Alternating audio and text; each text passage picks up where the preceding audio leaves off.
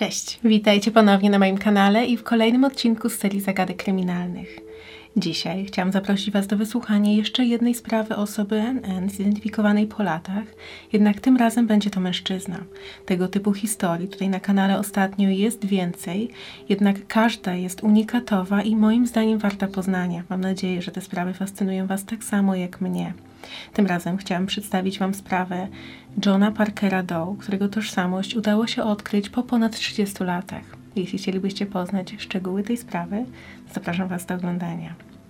27 października 1985 roku na rozległe rancho w Springtown, hrabstwie Parker, w rejonie Dallas-Fort Worth w Teksasie przyjechali ojciec i syn. Spacerowali po ogromnym, prawie całkowicie opuszczonym terenie, szukając ziemi na sprzedaż i pod budowę domu. Podczas tej przechadzki w pobliżu drogi stanowej nr 51 na północ od Ville Station Road przypadkowo dokonali zaskakującego i przerażającego odkrycia. Dostrzegli leżący w krzakach ludzki szkielet.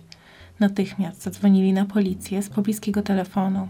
Ofiarą okazał się być młody mężczyzna. Jego wiek oszacowano na między 15 a 20 lat, który został zastrzelony jedną kulą.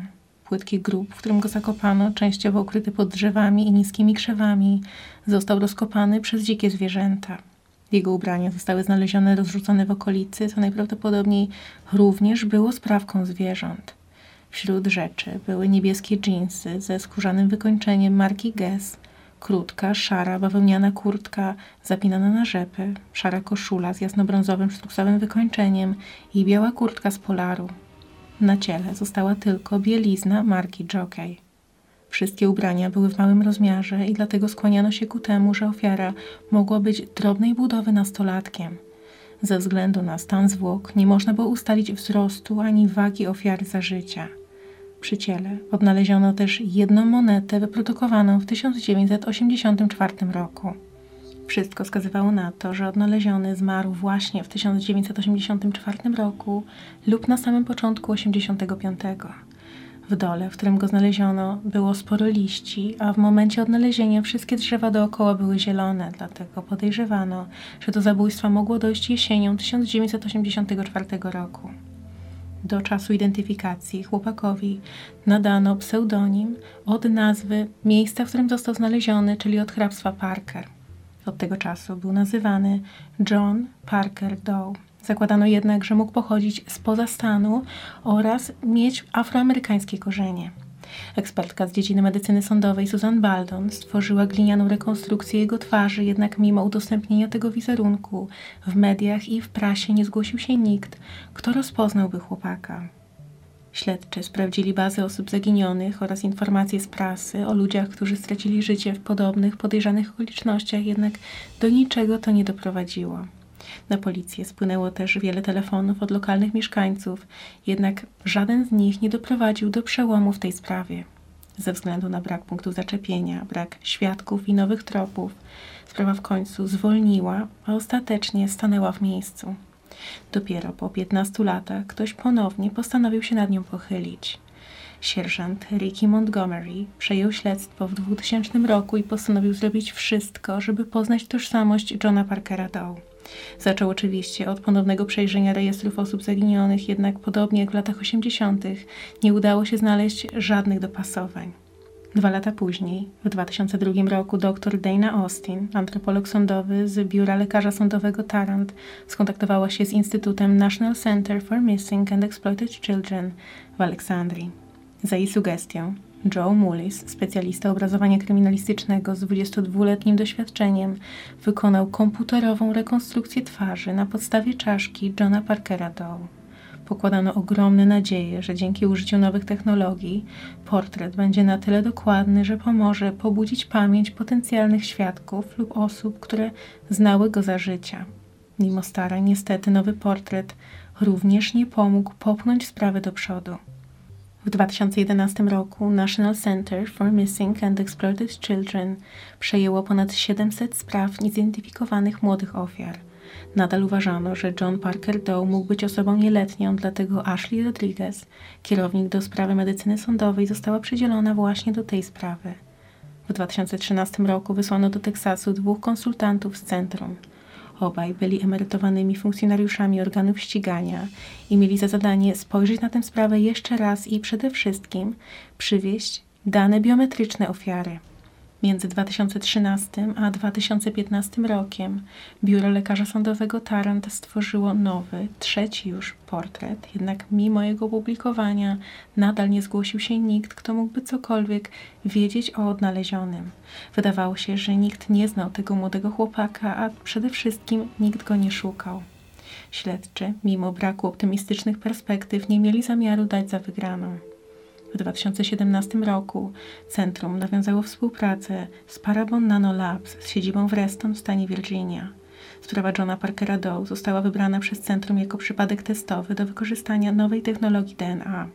Firmy Bow Technology i DNA Solutions uzyskały próbki DNA z kości strzałkowej ofiary.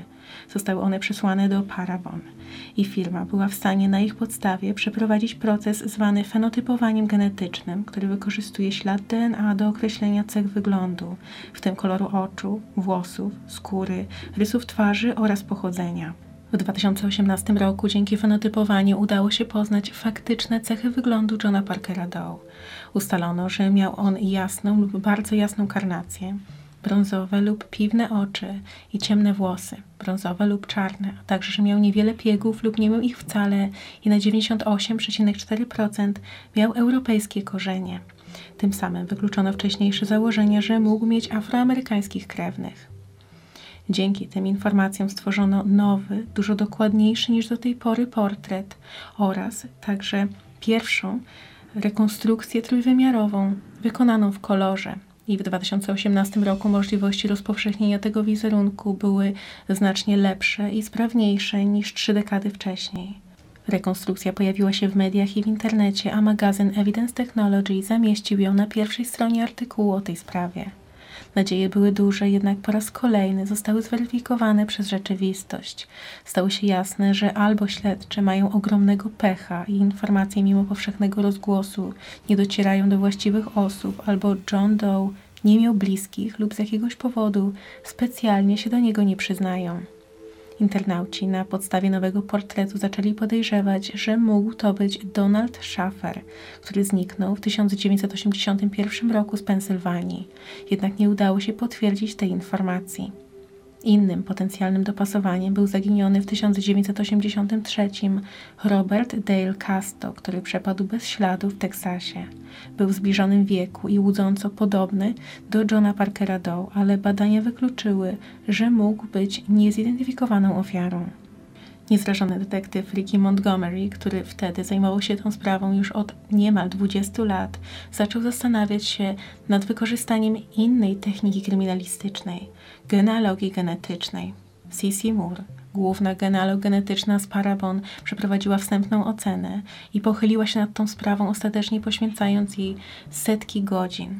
Zakładano, że dotarcie do prawdy i odkrycie krewnych Johna Parkera Doe zajmie kilka tygodni, a w rzeczywistości trwało to aż 18 miesięcy.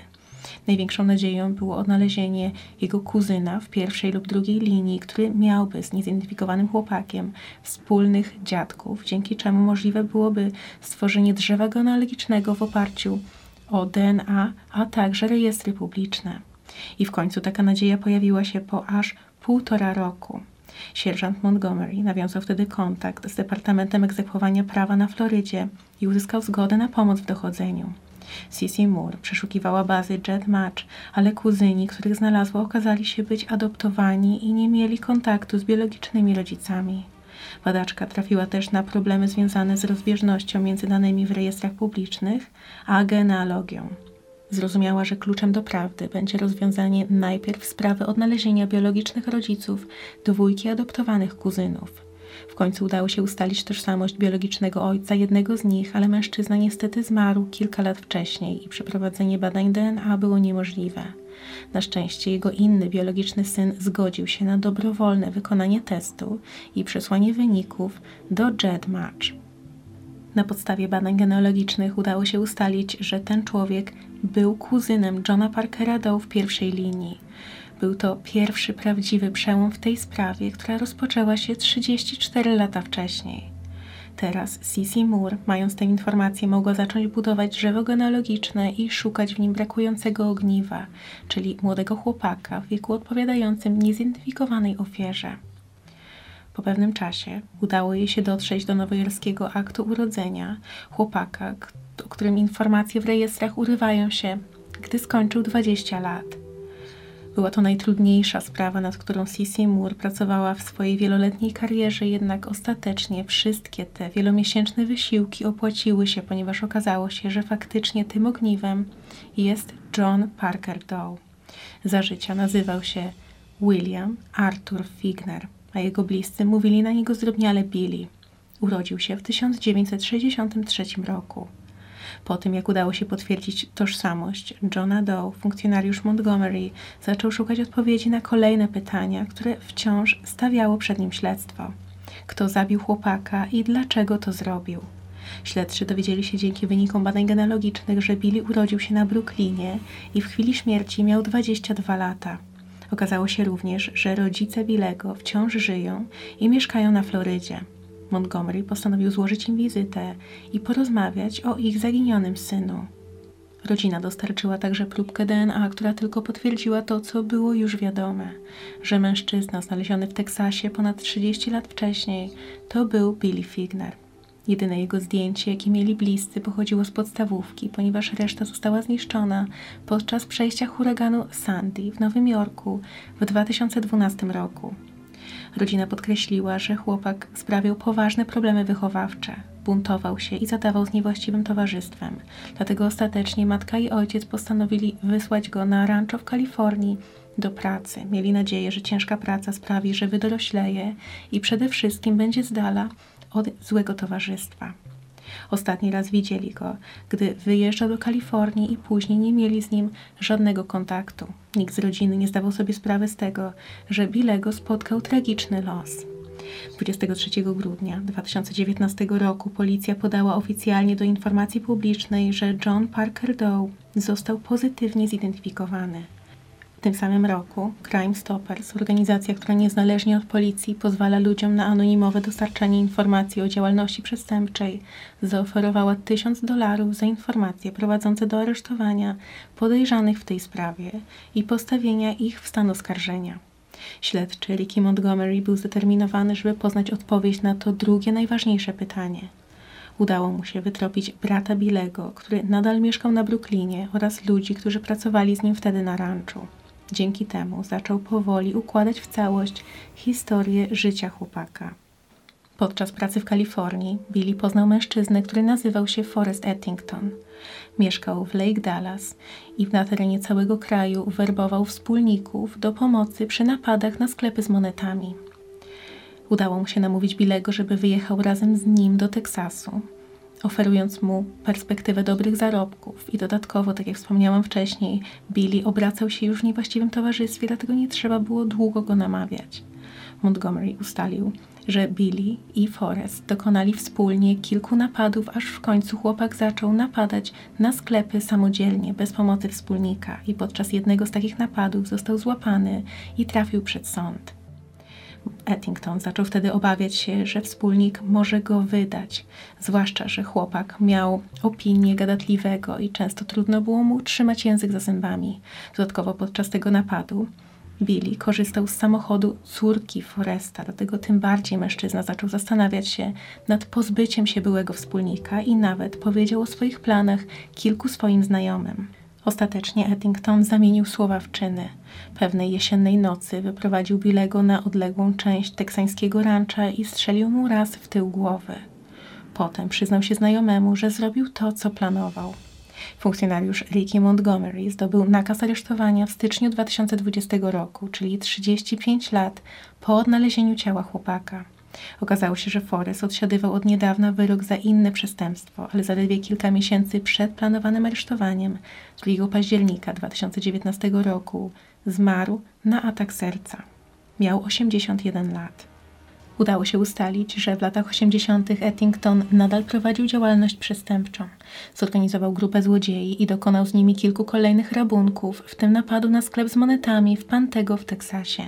27 marca 1985 roku, tuż przed godzinami zamknięcia, dwaj mężczyźni weszli do Artex Coin and Stamp Shop. Jeden z członków grupy zabił właściciela sklepu, Roberta Rosberga. Dwaj partnerzy Foresta zostali aresztowani krótko po tym, gdy próbowali sprzedać monety na aukcji w Long Beach w Kalifornii. Złodzieje nie zwrócili uwagi na to, że na opakowaniach monet widnieje podpis właściciela kolekcji i numer kodu sprzedawcy. Inni kolekcjonerzy zauważyli rozbieżność i powiadomili FBI, które skonfiskowało wszystkie eksponaty i aresztowało mężczyzn, którzy pracowali dla Ettingtona. 11 sierpnia 1985 roku Forrest został zatrzymany w domu Denisa Cliftona i znaleziono przy nim dowody wiążące go z napadem na Rosberga. Wśród nich był pistolet, fragmenty samodzielnie zbudowanego tłumika, wycinki z gazet z Teksasu dotyczące tego zabójstwa oraz dwa fałszywe prawa jazdy. Ettington został skazany na dożywotnie pozbawienie wolności, ale odsiedział tylko pięć lat, zanim złożył apelację. Odwołanie uzasadnił tym, że tak naprawdę sam nie brał udziału w tym napadzie i zabójstwie, tylko był obserwatorem i pilnował, czy w okolicy nie pojawia się policja. Montgomery podkreślił, że tak naprawdę nie ma pewności, dlaczego Forrest Ettington wybrał akurat to konkretne rancho jako miejsce zabicia i ukrycia ciała Billego Fignera.